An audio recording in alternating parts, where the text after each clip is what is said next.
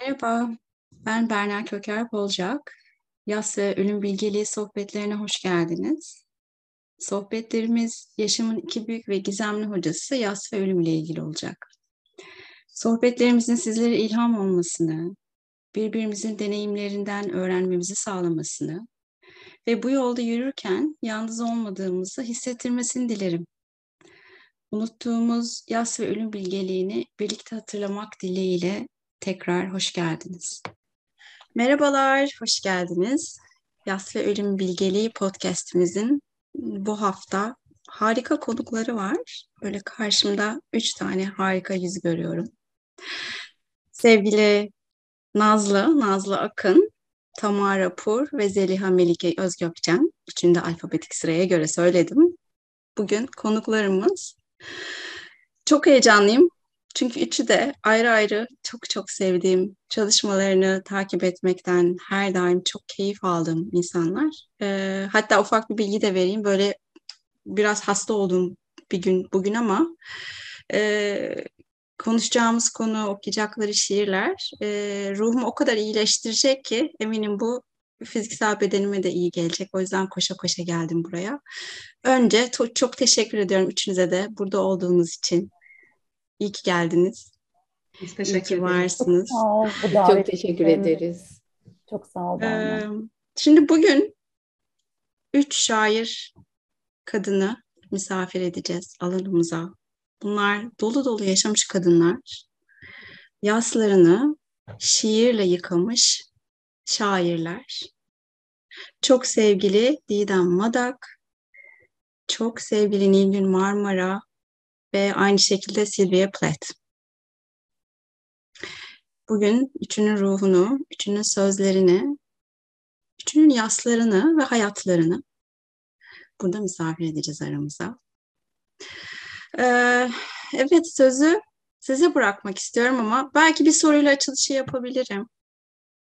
Evet, Nazlı'yla bu konuştuğumuz bir konudur hep. Edebiyatın kaynağı, değil mi? Aslında sanatın kaynağı, yas ve ölüm kaynak. Bu size nasıl hissettiriyor? Yasın bu kadar ölümün aslında hayatın içinde olması. Belki bundan başlayabiliriz. Kesinlikle öyle Berna. Edebiyatın şah damarı, yas ve ölüm. Ben Nilgün Marmara'yı bir dizeyle keşfettim. Panini kukla yapmış hasta bir çocuğum ben dizesi. Bu çok meşhur e, şiirinden alıntı.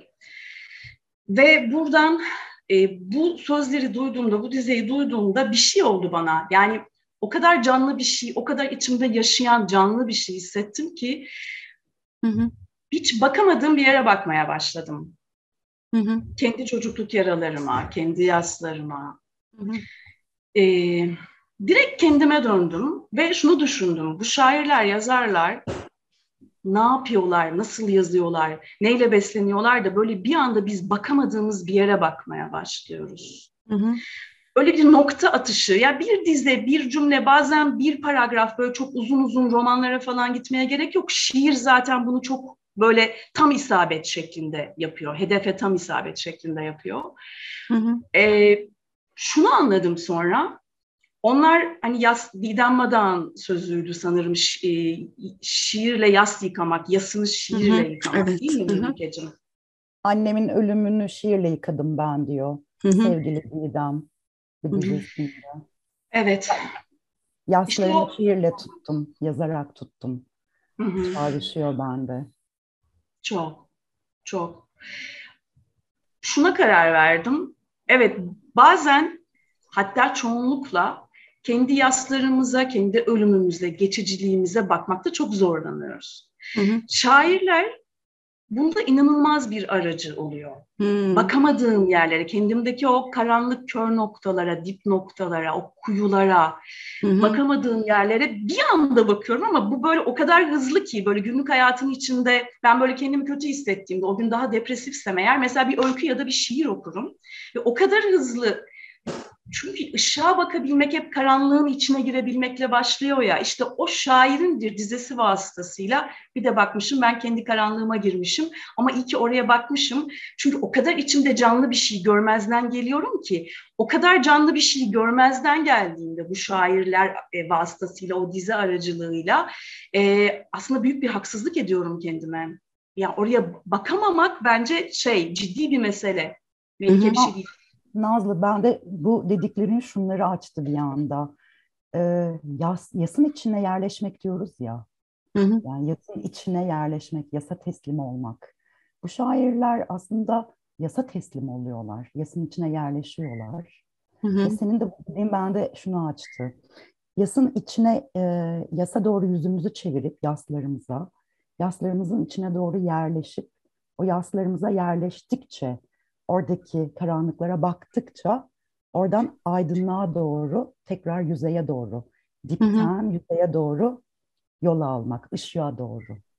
Bunu hı Didem hatta ahlar ağacında şöyle der. Ben sesimi bir ahlat ağac, ağacına emanet ettim sesimin tonunu. Ahlat meyve vermeyen böyle kuru, kör bir ağaç. Ama sonunda da der ki iç sesim gel. Ahlar ağacından sen de bir meyve meyve hı hı. yani meyve vermeyen bir ağacı sonunda hı hı. meyve veren bir ağaca dönüştürüyor. Hı. Yaslarımıza bakabildikçe onlar aracılığıyla şükür ki şükür ki yaşadılar, şükür ki yazdılar ve şükür ki bize ulaştırdılar. Onlar aracılığıyla biz de yaslarımıza yerleşebildikçe senin dediklerin bende tamamen bunları açtı. Bir anda böyle. Çok sağ ol. Çünkü o meyve vermez gibi görünen ağaç aslında sonunda yani o yaz bir şeye dönüştüğünde, cevhere dönüştüğünde, hediyesini bıraktığında bir başyapıt oluyor. Binlerce yıl okuduğumuz şiirlere, binlerce yıl okuduğumuz romanlara dönüşüyor. O da yasın hediyesi işte, yasın Hı-hı. meyvesi işte. Hı-hı. Evet, Melisa'nın gözleri gibi değil mi? Aslında bakamıyoruz yasa ve ölüme direkt olarak. Ve belki elimizden bir şeylerin tutması gerekiyor. Bizi şefkatle sarması gerekiyor o kapılardan geçmek için. Ve bu da şiir, hikayeler. Hepsi elimizden tutuyor. Çok şükür evet. Ee, ben de bu e, konuştuklarınız bende şöyle bir şey çağrıştırdı. Silver Plate'i seçmemin yani ben onu istedim.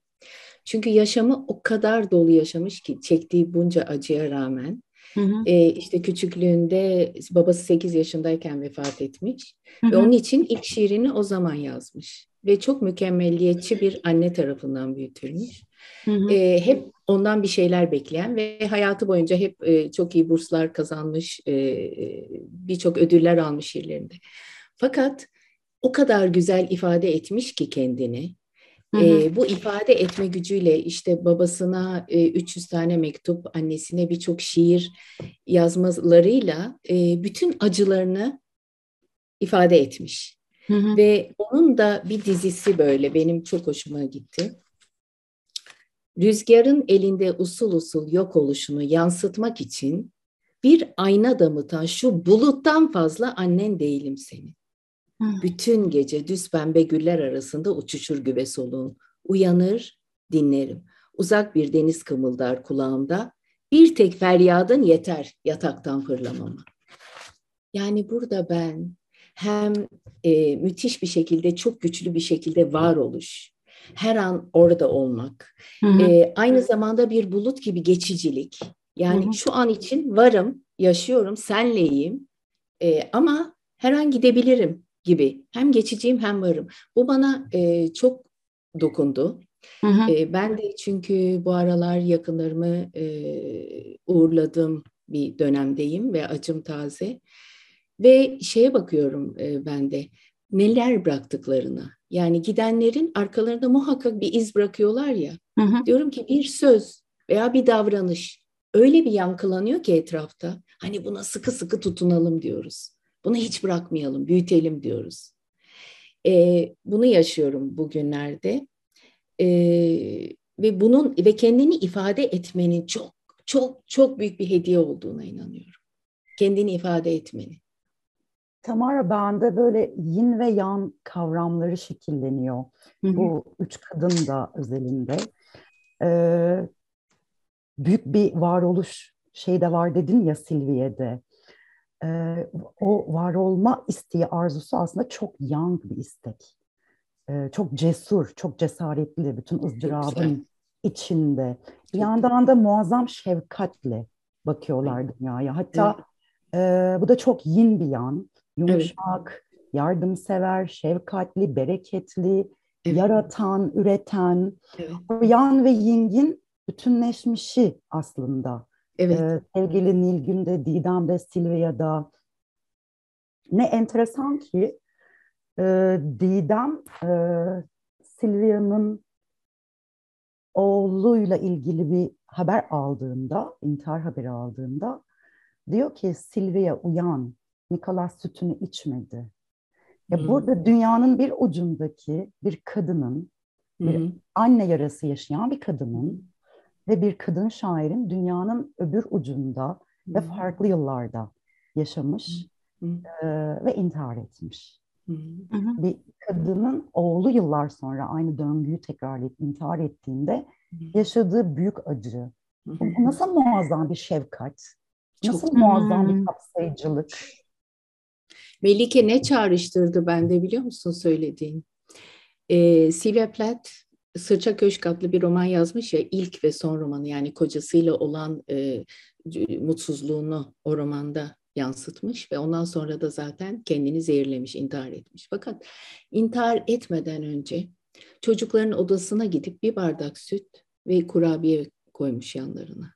Hmm. Ve ondan sonra inmiş aşağı. Bu böyle ne kadar diyorsun ki yani nasıl bir karar o intihar değil mi? Hı hı. Ve ama ondan önce nasıl bir şefkat bu?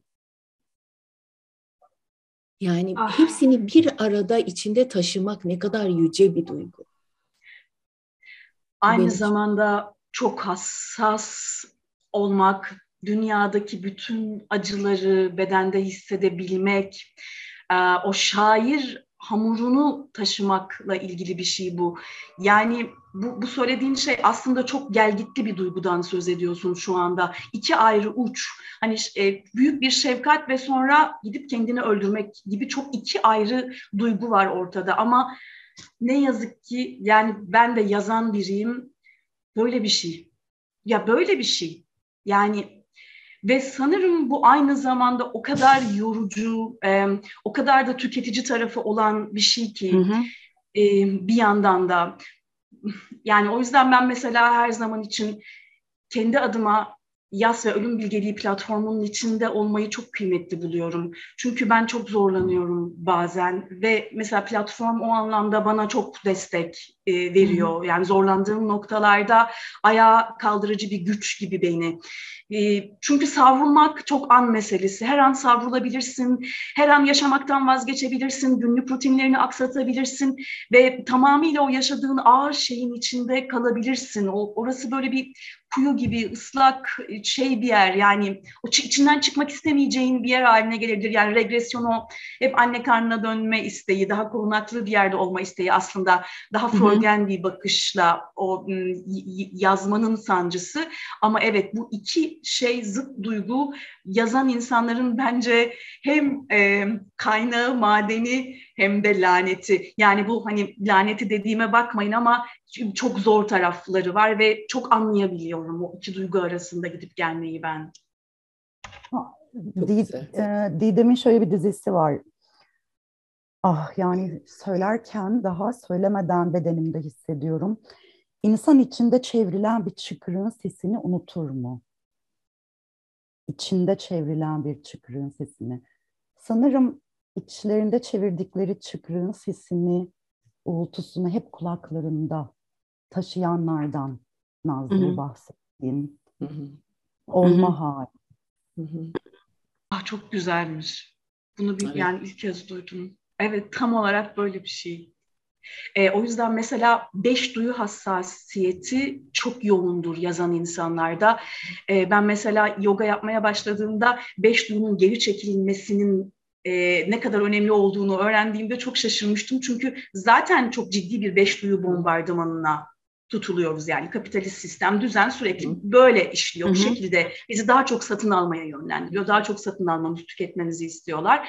İşte biz yani beş duyu kapatmak o kadar kolay bir şey değil.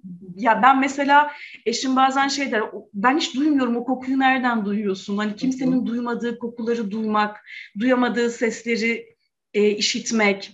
Ya bazen o dikey hayatta başka bir yere gitmek ve başka bir şey görmeye başlamak hayatın içinde, günlük hayatın içinde. Aslında çok yorucu ama bu kaynak bu, doğurganlık buradan geliyor. Buradan hamile kalıp doğuruyorsun, sürekli hamile kalıp doğuruyorsun. Yani bu böyle bir şey, çok sancılı ama böyle bir şey. Yaratım böyle bir şey. Şeyde Masa dergisinde bir yazar o kadar güzel demiş ki öldüler demeyelim sancılarla dolu hayattan kendilerine kendi yöntemleriyle savundular. Hmm. Yani e, ölmediler onlar. Hala değil mi? Varlar, anıyoruz ve hiçbir zaman ölmeyecekler. Şey demiş bir de hmm, yaşamda fazla kalamadılar ama bugünlere ulaştılar. Belki de söyleyecekleri her şeyi söylemişlerdi. Bazen ben şey yapıyorum böyle yarım kalan hayatlar oluyor mu insanın? Yani e, tabii bütün arzularını yapamadığı işte ne bileyim oluyordur mutlaka oluyordur ama bu şairler belki gerçekten e, yazarın da dediği gibi söyleyecekleri her şeyi söylemişlerdi. Değil mi? O, o zaman yarım kalmış olmuyor sanki hayat. Değil mi? Öyle düşünüyorum. Bilmiyorum siz ne düşünüyorsunuz? Burada böyle ikinizin e, dansından şey geldi. E, doğum ölüm doğum döngüsü. Hı hı. E, çünkü mesela Didem şöyle, e, Didem erken yaşta annesini kaybediyor ve diyor ki e, yokluğunda binlerce kez açıldım, binlerce kez kapandım. Hmm. Binlerce kez açılıp kapanma hali bir yandan aslında hem nefes alıp verme hali hem de bende bu dünya denen yer küredeki ölüm kavramı, doğum kavramını çok canlandırdı. Ve bu doğumlarda şöyle devam ediyor bu şairlerde. Bir anne baba yarası, yaşama dair çok cesur bir var olma hali bütün bu ızdırapla birlikte, bütün bu yaslarla birlikte bu yasların içine yerleşip bir öldürme hali kendini, kendini tekrar doğurma ve o doğumlarla da şiirlerini tohum olarak saçma hepimiz aslında. Ve e, şiirlerini sahiplenmiyorlar aslında üçü de. Size onu Kesinlikle. Hmm. Yani üç, üçü de şiirlerini sahiplenmiyor. Evet. E, Didem diyor ki yazdım kapıştılar diyor. Şiir diye kapıştılar diyor. Ben yazdım diyor onlar şiir diye kapıştılar. Ben şiir yazmadım halbuki ya getiriyor neredeyse. Tabii ki. Halbuki o ölmeden önce ölüyor. Evet. Aynen. Ve daha sonra da e, çocuk da doğurarak e, Nilgün'ün yok bildiğim kadarıyla ama Silviye ve e, Silvia'nın var. Aynen. Bir çocuğu Çocuk da, da doğurarak bir yandan da o doğum ölüm doğum döngüsündeki mesela Didem'in annesinin adı Füsun. Ee, sanırım 12-13 yaşlarında annesi ölüyor. Bir kız kardeşi var. Ee, Didem ölmeden 3 yıl önce kızını doğuruyor, Füsun'u. Ve e, Füsun'u doğurmadan önceki süreçte ilk iki kitabında e, Ahlar Ağacı ve Grapon kağıtlarında tamamen anne, kız kardeş, teyze, kadınlık halleri, anne yarası taşıyan küçük bir kızı büyütme. Hani şu Sezen Aksu'nun şarkısındaki gibi bu kızı büyütmeli. Şey, şarkısı var ya, şarkıdaki gibi. Alıyor, büyütüyor kendini bütün yaslarıyla, acılarıyla, yoklukla, aşkla, aşık oluyor, evleniyor, boşanıyor, e, üniversitelerden ayrılıyor, üniversitelere geri dönüyor, bodrum katlarında yaşıyor gibi gibi. Bütün bunların içinde, rutubetler içinde kendini büyütüyor. Sonra bir gün Pul Biber Mahallesi'ne taşınıyor. Ve orada artık şunu demeye başlıyor. Zamanın bacaklarımın arasından geldiğini, geçtiğini hissediyorum. Beni, ben artık büyüyorum, hissediyorum diyor. Sonra da Füsun'u doğuruyor ve Füsun'u doğurduktan sonra yazmıyor. Şiir yazmıyor. Hmm. Bu detayı ben, bilmiyordum, evet. ben diyor, e, Cehaletimden, annesizlikten yazdım kızım bir mektupta. Şair oldum cehaletimden, annesizlikten. Sen diyor şair olma diyor. Hmm. Hmm. Aslında buradan Tamara senin dediğine geleceğim bu masa dergisiyle ilgili söylediğin hmm. şeye. Yarım yarım kal, kalmak ne demek? Belki 3 5 10 hayat yaşayarak hediye etmişler hepimize. Hı hı. Hani... Çünkü yaşatmak, yaşamak üretmekten başka nedir ki? Yani baktığınızda bir rutine teslim olursunuz. Hı hı. Uyan, işe git, eve dön, uyu. Yani bu bir şey ciddi bir kısır döngü. Üretmediğimiz, yaratmadığımız zaman e hayatın anlamı nerede? O anlamı hı. nereden bulacağız? Ve o, o anlam yine yasa ve ölüme geleceğim. İşte ben hep ölümün bereketli memesine yapıştım derim yazarken. Hı hı hı. Hakikaten bereketli bir memedir yani. Tabii. Oradan e, ölünceye kadar da üretir yazarsın. Hı hı. Ee, gerçekten bir anlamı yok ki öbür türlü. Yani hı hı. o zaman saçma, ciddi bir varoluş sancısı, ciddi bir saçma duygusuna teslim olmamız gerek. Eğer üretmezsek, işte yazmazsak, resim yapmazsak, boyamazsak, çizmezsek, çizmezsek, yani eğer sanatla uğraşmazsak, bilmiyorum yani geriye ne kalıyor ki okumadığımız, yazmadığımız, üretmediğimiz zaman? O zaman ye iç, üret, doğur. Böyle bir döngünün içine giriyoruz. Hmm. Ben hayatın bütün anlamının yaratmakta, üretmekte ve sanatta gizlendiğini düşünüyorum. Hı hı. Kendini evet. gerçekleştirmek bu zaten yani. Bu çok önemli bir şey. Zaten bir şeyle geliyoruz bu dünyaya ona inan, inanıyorum. Hani bir görevle kendini gerçekleştirme kendine yapacağın en büyük ve başkalarına da etrafına da en büyük iyilik. Ve Tam ben de noktada... çok pardon Melike'ciğim sen devam et. Sağ ol. Ee, sağ ol Berna'cığım. Tam da bu noktada kendini gerçekleştirme e, bir yandan da anne olma, çocuk olma, genç kız olma, aşık olma, boşanma, evlenme, eş olma, ev kadını olma, e, anketör, tezgahtar, para kazanma, akademisyen, Silviye e, için söylüyorum, Nilgün için, Didem tezgahtarlık, anketörlük falan yaparak geçirmiş bir dönem. Ne kadar çok kimlik, ne kadar çok toplumun bir yaşamda. ettiği bir yaşamda e, ve bu üç, bu üç kadın da e, onlara dayatılan toplumsal e, kadınlık cinsiyetleri ve kimliklerini tek tek üzerlerine giyip bunlarla da bir yaslarla hemhal olup bu bunların da bu kimliklerin de bir dertleriyle hemhal olup sonra bu kimliklerle de üzerlerinden böyle örtüyü yırtıp atar gibi inanılmaz soyunuyorlar. Tek tek soyunuyorlar buradan. Çok çok ağır bir yük aslında. Çok, Kendini çok. gerçekleştirmek yani böyle sanırım 10-12 harfli e, iki kelimeden oluşuyor tırnak içine aldığımda. Şu an gözünden öyle geldi. Ama e, kendini gerçekleştirmenin bazen bedeli Bedel tam çok ağır. Dediğin gibi Nazlı ölüm Hı. olabiliyor. Evet. Onlar Sevgili. Buket Özüler'in bir lafı vardır öyle kafadan doğmak der. Kafadan doğdun mu mesela? Yani o kendini doğurmayı öyle tanımlıyor. Kafadan doğmak hani kendi kendine gerçekleştirdiğin bir şeydir aslında. Kimse de elinden tutmaz. Onu sen kendin yaparsın diyor. Ben Buket Özüner'le bir kere e, yüz yüze karşılaşma imkanı bulmuştum da işte konuşuyorduk. Ben de o zaman sanıyorum e, oğlanlardan birine hamileyim. Tesadüfen karşılaştık yani. Öyle sordu bana sen kendi kendini doğurdun mu peki dedi. Yani Hı. böyle sorduğun zaman hani direkt olarak geldi kendi kendimi doğurdum mu şimdi? Hmm. Derin, çok derin. Ve yas işte evet kendi kendini doğurmanda aslında kafadan doğurmanda, kendini doğurmanda. Hmm. Ee, bir şey yapıyor çünkü sana aslında hücrelerine kadar giriyor ve bir şey yapıyor.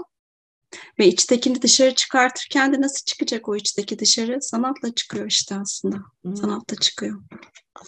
Yani bir yandan da o kadar e, yaşamın içinde yaşama ait bir olgu ki hı hı. hallerin toplamı ki yaz hı hı. ya sevine hani ya sevinin içine taşınmak. Hı hı. Sanki e, hayatları boyunca bir ya sevinde oturmuşlar gibi üçü de e, yeni bir şarkıya başla diyor Didem. Hem şarkı dediğin şarttır yaşamaya. O yas evinde otururken o denizin diplerine dalıp da o o kapkaranlık Nazlı'nın bahsettiği hiç ışık hüzmesinin bile olmadığı bir yere oradan bazen yüzeye doğru çıkıp hafif gün ışığına baktıklarında da yaşamaya e, başlamanın tekrar bir şarkıyla olabileceğini. Mesela Didem'in şiirlerinde e, şey çok geçer.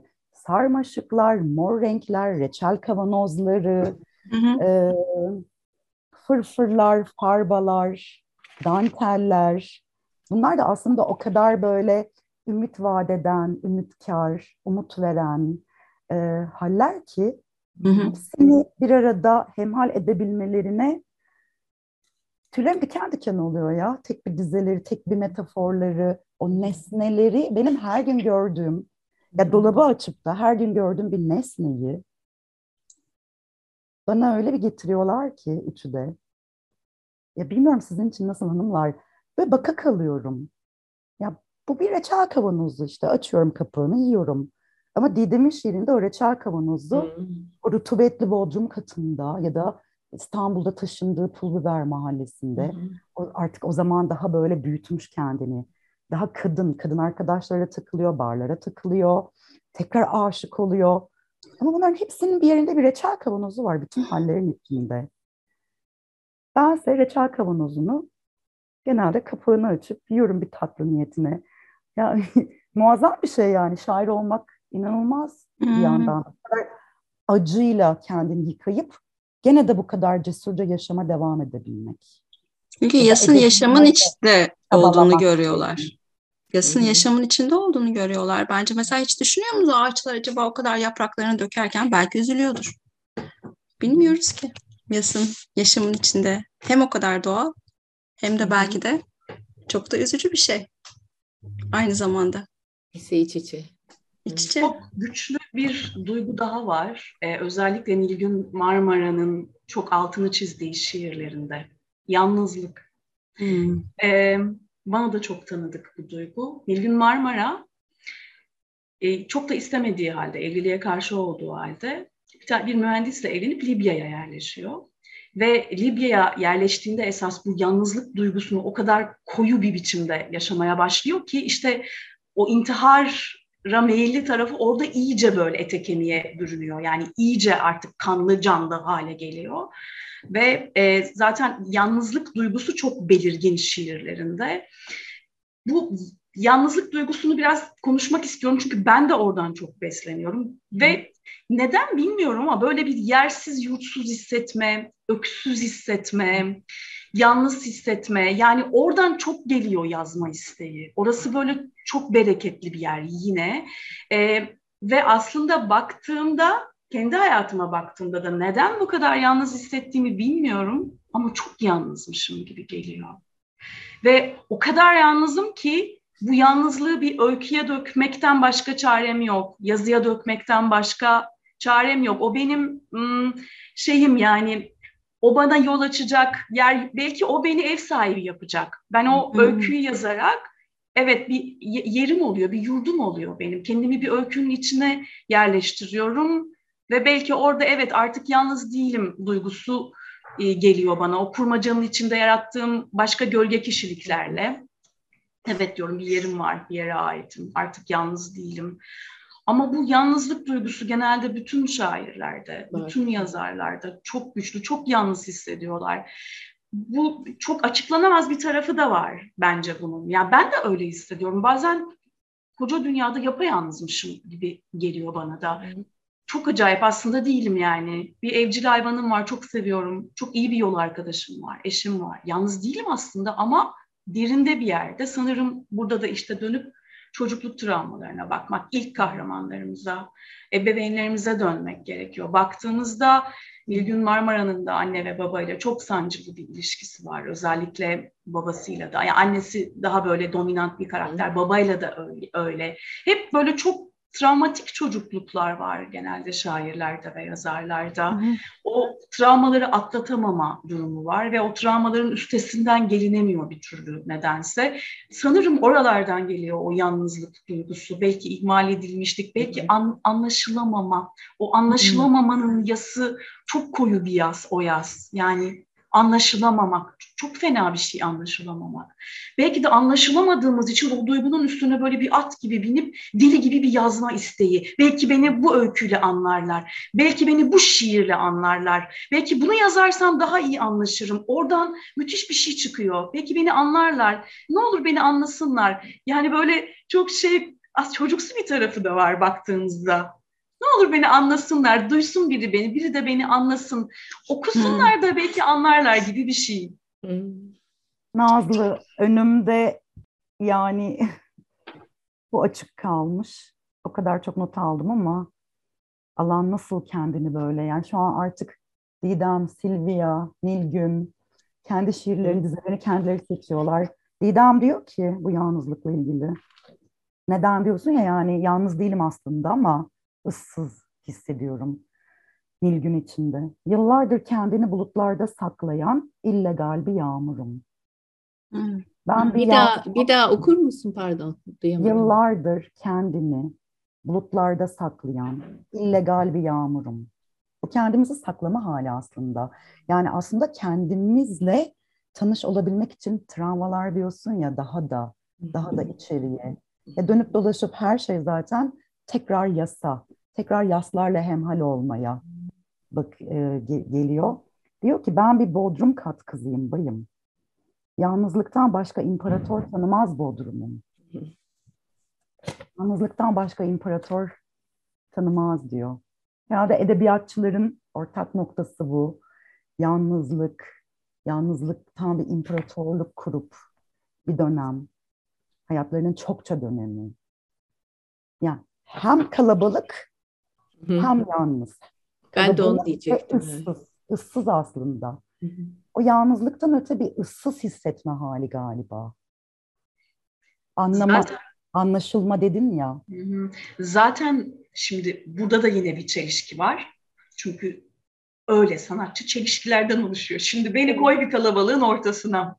en fazla kaç dakika kalabilirim. O kadar zor ki. Yani kalabalıkta var olmak da çok zor. Hı hı. E, ve iç iç dünyama bakabilmek aslında yalnızlık gerektiriyor. Başka bir şey yok ki. İç dünyama başka türlü nasıl bakacağım? Yalnız olmaya ihtiyacım var iç dünyama bakabilmek için. Evet. Nazlı, e, hani hangi şairde hatırlamıyorum. Yalnızlığım, çoğul türkülerim diyor ya. Yalnızlığım. Ne kadar kötü kokar ne yok kadar? o Hayır. O, Can Yücel'i demiyorsun değil mi? Yalnızlığım, çoğul türkülerim. Bakacağım ona. Can Yücel olabilir. Can Yücel olma ihtimali. Yani eğer devamı Can şöyleyse yani ne kadar pasaklı kontesim benim, ne kadar Aynen, evet, evet, evet, Can Yücel. Herhalde can yine bakacağım ama yani evet. ne kadar önemli e, değil mi? Böyle tam can damarından, şah damarından vuruyor seni. Yalnızlığım, çoğul türkülerim. Yalnız oldukça çoğalıyorsun aslında.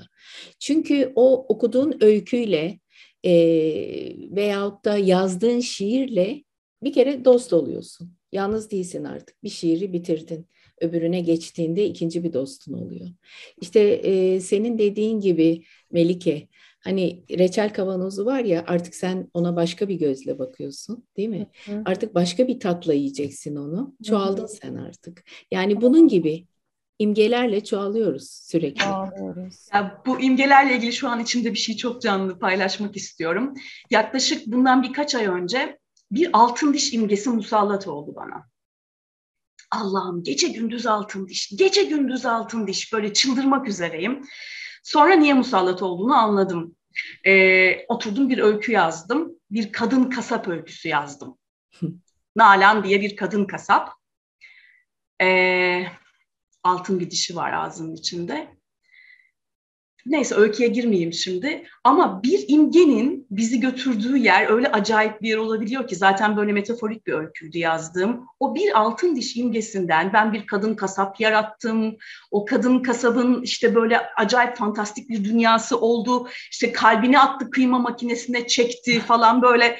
Hani bir altın diş imgesinden nerelere gittim? O kadar imgelerle hareket etmek e, doğasına çok uygun ki yazan insanların e, yani yazar büyük yazarların da böyle yol aldığını söylemişti iki tane ustam imgeler vasıtasıyla. Evet imge seni hiç ummadığın yerlere götürüyor. Yani götürüyor. bir reçel kavanozundan evet nerelere gidebilirsin. Şu an hiç bilemeyiz bunu. Ancak yazdığımız zaman anlayabiliriz.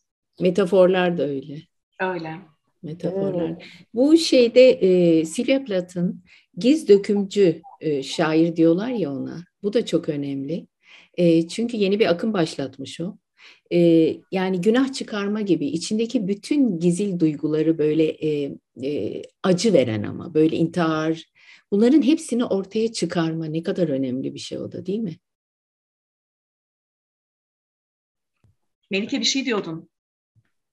Ee, yok Tamara'nın şu an okuduklarının yankısı fazla bende. Şu an onlar dans ediyor içeride. İntiharın acı olması. Yani bu Ah yani ne diyorduk? Kaçıncı tür diyelim? İntihar çok da böyle bir şey diyemeyeceğim bir şey. Çünkü kendilerini de sanırım böyle doğuruyorlar tekrar belki de. Böyle orada da bir doğum sancısı ve doğum ihtiyacı var. Ve bu hani doğum masasına son yatışta olabiliyor bazen. Hı. Ama çok büyük bir karar. Yani hayal edemeyiz çünkü hiç intihar etmedik. Çok. Ama o noktaya gelmenin e, yolları, virajları nasıl bir yolculuk bilmiyorum. Ama şunu biliyorum. Dünya getiriyor o noktaya. Anlaşılamamak. Tabii. Yani büyük bir karanlığın içinden çıkamamak, orada hapsolmak ve artık katlanamamak, olasılıkla dünyaya katlanamamak. E, yani bilmiyorum tabii ama yani her insanın aklından hani derler ya her insan aklından intiharı geçirebilir. Bence bu öyle bir şey değil. Bizim aklımda aklımızdan geçirmemize benzeyen bir şey yaşamıyor onlar. Nilgün'ün bir dizisi vardı ve şu an bir görüntü açıldı gözümün önünde. İşte kurumsalda çalışırken bir gece mesaiden çıkmışım Levent. Ee, ıssızlık duygusu var o sırada bende de. Hani e, 11'de falan çıkmışım işten. Nilgün şey diyordu galiba.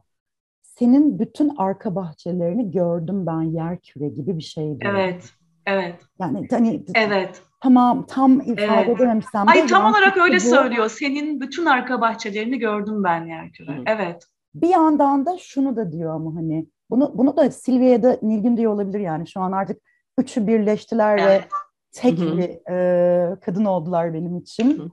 E, hatta bizle de birleştiler şu an hepimiz böyle tek bir kadın halindeyiz e, yaşamda. E, bu dünyadan hafiflikle geç, geçmeye dair de bir dizesi vardır. Ya Silvia'nın ya Nilgün'ün. Yani dünyadan böyle yumuşak adımlarla, hafiflikle geçmeye dair.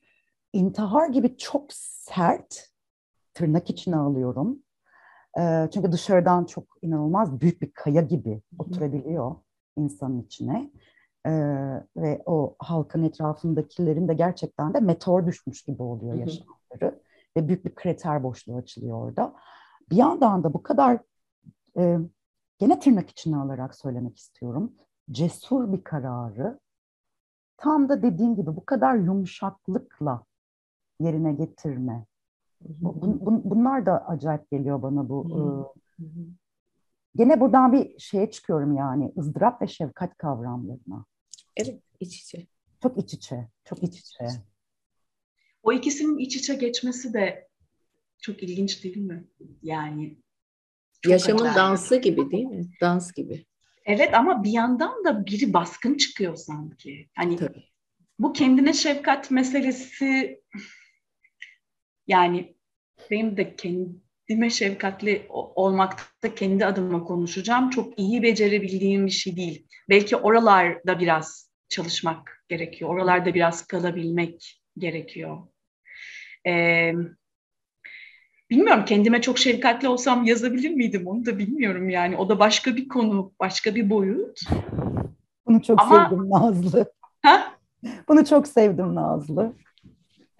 Hmm, ama çok isterdim kendime şefkatli olabilmeyi. Ama şunu biliyorum, edebiyatta bütün yazarlar, erkek yazarlar, anneden, kadın yazarlar babadan çok etkileniyor. Çok. orada bir ihmal ve eksiklik varsa bu öyle sandığımız gibi yani işte ben büyüttüm, kendimi yetiştiriyorum, kendime şefkatliyim diyerek ne yazık ki tamamlayamadığımız bir süreç. Oralarda e, ya çok iyi bakabilmek, çok iyi anlayabilmek gerekiyor kendimizi, iç dünyamızı, hatta gölgelerimizi. Yani belki sen de e, ben şöyle düşünüyorum. Sanırım şu an seni de dahil ediyorum bunun içine. E, belki de yazarak kendi başlarını şefkatle okşuyorlar. Çünkü başlarını şefkatle okşayacak bir el olmadığı için e, bazı ıssızlık hissiyatında bulundukları anlarda özellikle de bu anne baba dedim ya konuşuyoruz ya burada çocuklukta erken yaşlarda ki o e, kayıp ve o travma konusu.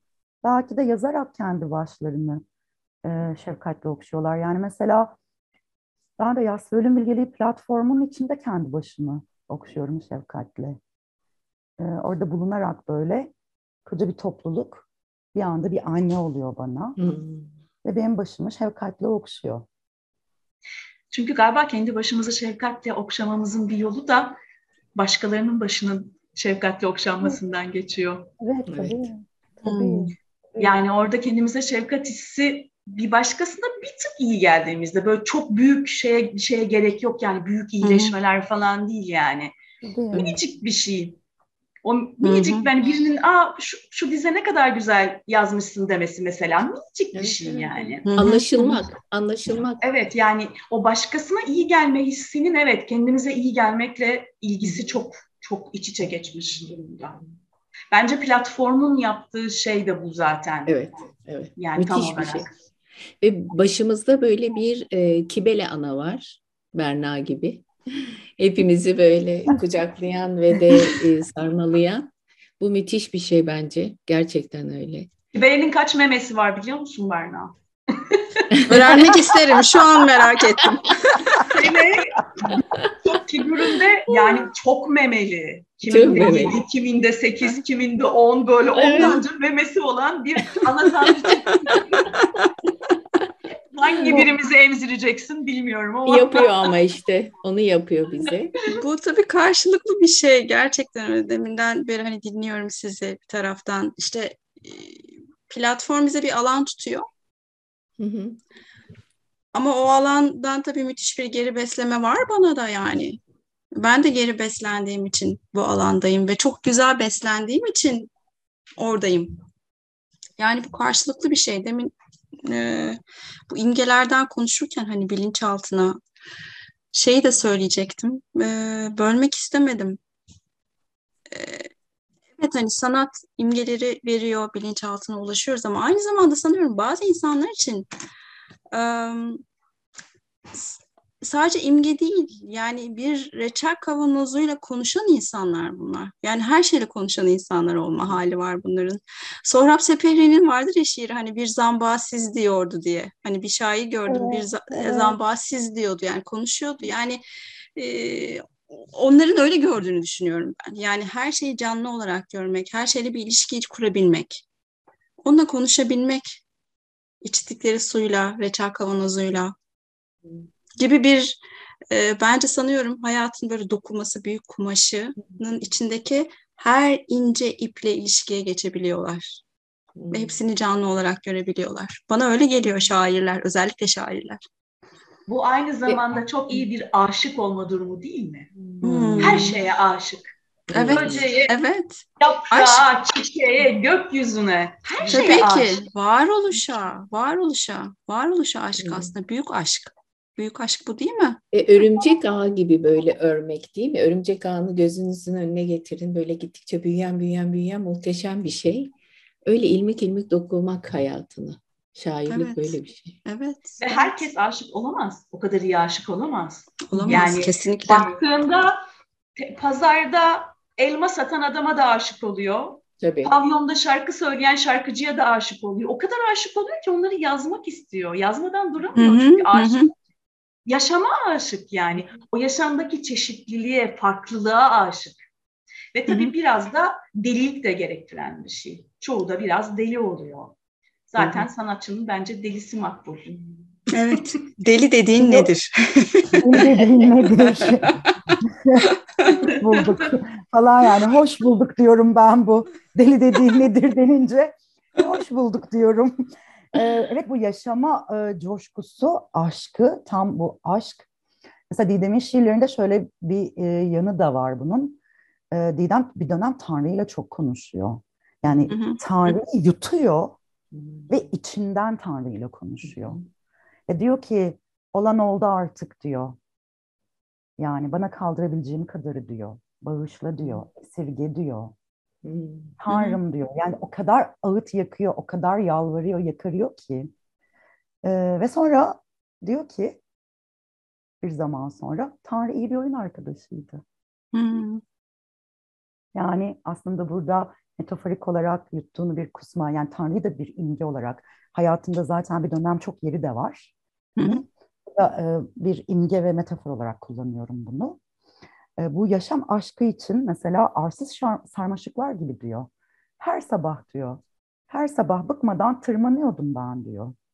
Güneşin tahta perdesine. Mor çiçeklerle açılmak için dünyaya. Ya bakar mısınız? Yani yasın içinden bir yandan da her sabah kendini böyle arsız bir sarmaşağa benzetip Hmm. O tırmanma hali, o mücadele, o her sabah aslında e, kalbinin, kırık kalbinin pencerelerini hafif panjurlarını ışığa doğru açma hali. Azıcık gün ışığı bile girse o gün ışığını bazen şey diye düşünüyorum. Bir e, fener var ellerinde, kalplerinde aslında ve kalplerin ortasına şairlerin bir fener yerleştirilmiş.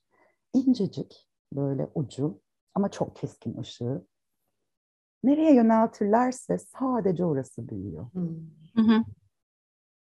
Bilmiyorum Nazım ne diyor buna ya da Tamara.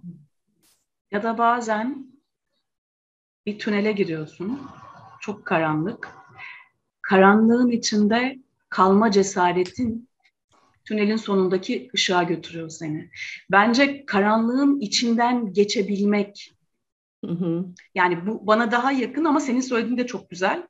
Metafor olarak karanlığın içinde ne kadar kalabiliyorsun? Karanlığın içinde kalarak ben yazmaya devam ediyorum ve tünelin ucundaki ışığı da o karanlığın içinde kalma becerimi geliştirerek bulabiliyorum. Ben de bu imge mesela canlı şu an çok. Bence zaten o e, o kap kapalı panjurların e, için böyle hafif aralayıp da gün ışığına doğru hafif yüzlerini çevirmeleri aslında yazma yazdıkları an. Hı hı. Yani aslında karanlıktalar ama yazarak dünyaya panjurlarını aralıyorlar böyle. ışık oradan geliyor. Yani yazarak hem tekrar yani doğurarak e, hem ışık oluyorlar hem de kendilerini aslında geri besin. Hani yaşamın besini, biz kimin besiniyiz, yaşam da. Oralara da gidiyor bu konu. Kendi, kendilerinin de besini oluyorlar bu arada. Tabii. Beslerken. Bir de en önemlisi hayal kuruyorlar, düşlüyorlar. Hani ben demiştim hmm. ya hayallerimden hamileyim. Sen de demiştin ya bana bunu yaz. Gerçekten hmm. hayallerinden hamile kalmak bir çocuk doğurmakla fiziksel acısı asla kıyaslanamaz ama hayallerinden hamile kalmak da sancılı bir şeydir yani. Hmm. Ve sonra o hayali doğurmak, ete kemiğe büründüğünü görmek. Yani düşlemek ve hayal kurmak e, bence bu işin te- temeli gibi. Evet. Onunla atılıyor tema- temel. O şey var ya Viktor Frankl'ın insanın anlam arayışı okumuşsunuzdur hmm. o kitabı. Evet. Orada e, bir kadınlar da var. E, birbirlerine yani Auschwitz kampının içinde birbirlerine yemek tarifleri veriyorlar. Yani hayatta kalmak için.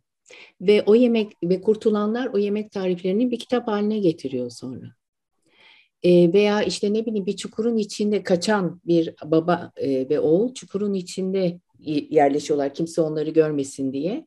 Ve orada çocuğuna matematik dersi veriyor. Diyor ki okula gideceksin yakında. Yani bunu öğrenmelisin ve kurtulur. Yani o hayal gücünün e, müthiş bir e, şey var bence. E, yaşama coşkusu var içinde. Yani hayatın amacı o değil mi? Hayatın amacı. Benim yasın ne olduğuna dair böyle tefekkür demeyeceğim kendi adıma. İlk bir içimde adını koyamadığım bir e, bugüne yani o güne kadar o zaman 22 yaşındaydım. Bir, bir duygu var içimde, bir kavram var ama adı ne? Hiç bugüne kadar tanışmadım. Dediğim şuydu. E, annemin cenazesinde akşam evdeyiz. Yani muazzam kalabalık bir aileyiz o vakitler. E, belki 100 kişiyiz. E, ve e, çok büyük bir yemek masamız var o zamanlar. E, annemin böyle çok cıvıltılı, e, çok bağları kuvvetli e, kuzenleri vardır. E, kadın kuzenler. İşte birimiz e, kazanla Türk kahvesi yapıyoruz mutfakta. Öyle bir konu. Hani yani gerçekten en büyük kazanla Türk kahvesi falan yapıyoruz. Biri çorba kaynatıyor. E, yemek masasının başında bir ara böyle işte bir tarafta ağlanıyor, bir tarafta gülünüyor. Beni hala çok sıcak böyle saran bir duygudur o. Reçel tarifi verdi annemin bir kuzeni. Ve biz kahkahalar attık. Gene hmm. reçel kavanozuna geri döndüm. Hmm. Benim herhalde Didim, Didem'le ve bu reçel kavanozuyla bağım çok kuvvetli. Ve kahkahalarla güldük. Ve o bir, bir saniyele ne? Belki bir saniyeliğine bile tekrar yaşama geri gelip o reçeli konuşup sonra tekrar ah ya deyip hepimiz kendi yasımıza ve sessizliğimize gömüldük. Bu Auschwitz yaşama mücadelesi, bu e, Didem'in reçel kavanozları, farbaları, Silvia'nın süt ve kurabiye koyması çocuğuna, Nil, Nilgün'ün yani yer küre bir, bir yandan da Nilgün'ün şöyle bir şeyi de var. Ee, bu Türk edebiyat tarihinde Türkiye'de bulunan ve e, akımları açan erkek şairler tarafından da çok el üstünde tutuluyor. Hı hı. Çok, yani çok seviliyor. o çok sesliliği ve o e, o çok seslilikle kabul edilişi. Bunların hepsi yani gene bir reçel kavanozuna bağlanabiliyor işte. Gene bir imgeye, metafora. Ama yaşıyorlar kanlarıyla, canlarıyla böyle. Yaşıyorlar. Bu arada Nilgün e, şiirlerini yani çok yakınları dışında hiç kimseye okutmuyor. Hmm. İntihar etmeden önce kocasına veriyor. Hmm. İntihar ettikten sonra basılıyor ilk şiir kitabı. Yani bu da çok enteresan geliyor bana. Bu kadar iyi yazıyorsun ve kendine saklıyorsun. Hmm. İlginç. Zaten Sylvia Plath daha dışa dönükmüş. Öfkelerini falan dışa dönük yaşıyormuş. Bütün duygularını. Nilgün hep içe, içe dönük. Evet. Aralarındaki fark. Evet. Oymuş. Evet. Kutuplar yani aslında biraz. Hem eş hem yani duyguları ifade ediş, yaşayış biçimiyle de biraz zıt kutup olabilirler. Zaten Nilgün Marmara'nın bitirme tezi de Sylvia Plath'in evet. intiharı üzerine. Yani evet. fazlasıyla etkili olmuş kendi Çok. hayatı üzerinde onun intiharı. Evet ve sanat sanatçı e, şekliyle yaptı diyor. Yani sanatkar bir şekilde intihar etti diyor Nilgün değil mi? Silvia için. Yani burada şeyde diyebilir miyiz acaba? Ee, diyor ki e, Didem hemen çünkü buradan bir annelik şeyine bağlayacağım. Dünyaya bile bir dünya anne lazım diyor. Hmm. Ee, şimdi Silvia, Didem ve Nilgün üstünde bu kadar hmm, ne diyeyim katmanlı bir e, yankısı varsa ve biraz çağ olarak da yaş olarak da farklılar. Aslında hmm. Silvia'da onların bir ruhsal annesi olabilir mi? Hmm, ne güzel Burada bir an, yine bir annelik. Ne Tabii güzel. Ki. Kadınlık hali, hani kadın kadının yuvasıdır. Evet. Durumu bir yandan da bir ruhsal annelik de Evet. Sanki. Hı. Çünkü ikisi için de yani Didem'in de temin verdiğimiz örnek Nicholas intihar edince Silvia uyan hani Nicholas sütünü içmedi demesi. Hı hı. E, Nilgün'ün Silvia'nın şeyini hayat hikayesini, hayat hikayesini tez, tez olarak yapması. Evet. Ebelik aslında bir taraftan da değil mi? Ebelik. Sanki böyle ebelik ya. Aa, evet. Evet, ebelik gibi de. Sanki birbirlerine ebelik ediyorlar. Ebelik ediyorlar. Valla hiçbirimize hmm. bir anne yetmiyor. Böyle hepimize. Kesinlikle. Kesinlikle. Anneye ihtiyacımız var yani. Ama hayatımızda da öyle değil mi? E, farklı annelerimiz oluyor. Değil mi? Öyle değil mi? Dönem dönem, her dönem. Yani benim mesela bir edebiyat hocam vardı. E, ikinci annem derdim ben ona. Yani müthiş yanımdaydı. En zor zamanlarımda veya e, çok Rüksan Günaysu ruhu şad olsun böyle bir kahve sohbetlerimiz olurdu sabahları. Bir saat falan sanki karşılıklı oturup bir yerde kahve içmişiz gibi. Hmm. E, hepimizde vardır böyle anneler değil mi? Ben de Berna'ya ölüm annem diyorum. Sonra o ölüm anne zaten çok metaforiktir aynı zamanda ama evet öykü yarışmalarına yollarken rumuz olarak hep ölüm anneydi. Hatta ikincilik aldığım şeyde de ölüm anne evet. olarak yolladım rumuzu. Ama öyle. ölüm, ölüm anne evet yani hepimizde bir ölüm anne gerekiyor. Hmm. Çünkü oraya ya oraya bakmadan da insan olamıyoruz ki geçici olduğumuzu Tabii. hatırlamadan hatta Tabii. sürekli aklımızda tutmadan. Tabii. Berna bu yüzden de platform çok kıymetli. Çok. Hmm, hepimizin yani, katkılarıyla tabii ki o. Tabii ya ki. elbette tabii ama ki. nihayetinde Birliktelik. senin bir platform. Ama onları bir arada tutmak da çok önemli. Allah'ın çok kuvvet evet. bakabilmeyi hmm. hatırlıyoruz hep sayende. Yani ben çok sık düşünen biriydim ölümümü. Niye o kadar sık düşündüğümü mesela daha çok fark ediyorum her gün. Çok katmanları var çünkü. Hı hı, tabii yani bir insanın kesinlikle. ölümünü düşünmesinin çok katmanları var. Tabii ki. Tabii ki. Katılıyorum ona. Ölüm aslında yaşamı çok besleyen bir şey. Ben de mesela Filiz'in kitabına Filiz kitap istemişti hani ölümle ilgili yazar mısın kadınlar şifadır diye. Hani o zaman yazdığım yazının adı ölüm yaşamın annesi hani ölüm anneydi. Çünkü hakikaten ölüm olmazsa yaşam beslenmiyor aslında. Yani yaşamı besleyen şey baktığımızda Hani bunu e, metaforik olarak da kullanıyor olabiliriz. Gayet gerçekçi bir yerden de kullanıyor olabiliriz. Jenkins'ın söylediği gibi yani toprağın besliyor olması. Hani toprak aslında bütün ölmüşlerin şu ana kadar buraya bizim yanımızda yapamamış, gelememiş olanların toprağı beslemesi sonucunda toprak var aslında değil mi? Topraktan bitkiler besleniyor, hayvanlar besleniyor. Yani çok şey bir tarafı da var bunun yani gerçekçi bir tarafı da var baktığımız zaman. Ölümün o tarafını görmek, besleyiciliğini görmek, gerekliliğini görmek. Hı hı. Kolay demiyorum, tabii ki değil. Ee, ama gerekli sanki ha. Hmm. Vasiyetimdir diyor. Bin ahımın hakkı toprağa kalsın. Hmm. Ya. Çünkü toprağa bırakabiliriz her şeyi. Evet. Yeniden filizlenmek üzere.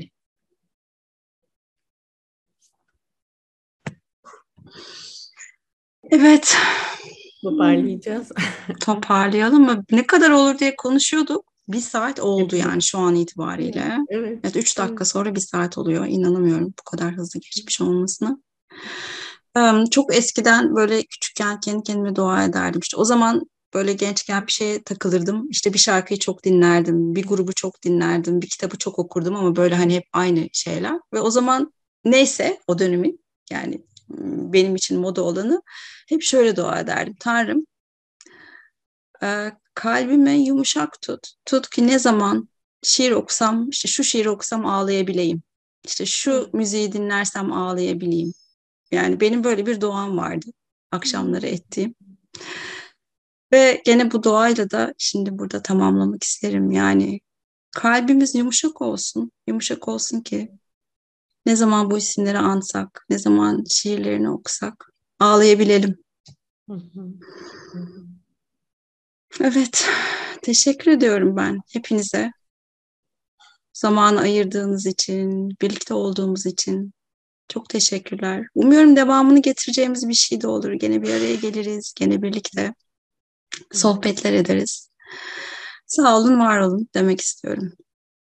Sizlere. Çok teşekkür ediyorum. Çok teşekkür de, ederiz Kayna. Çok teşekkür ben ediyorum. Ben de. Üçünüze birden. Evet. Sarılıyorum. Ve hoşçakalın. Ben de sarılıyorum. Hoşçakalın. Görüşmek üzere. Görüşmek üzere. Görüşmek üzere.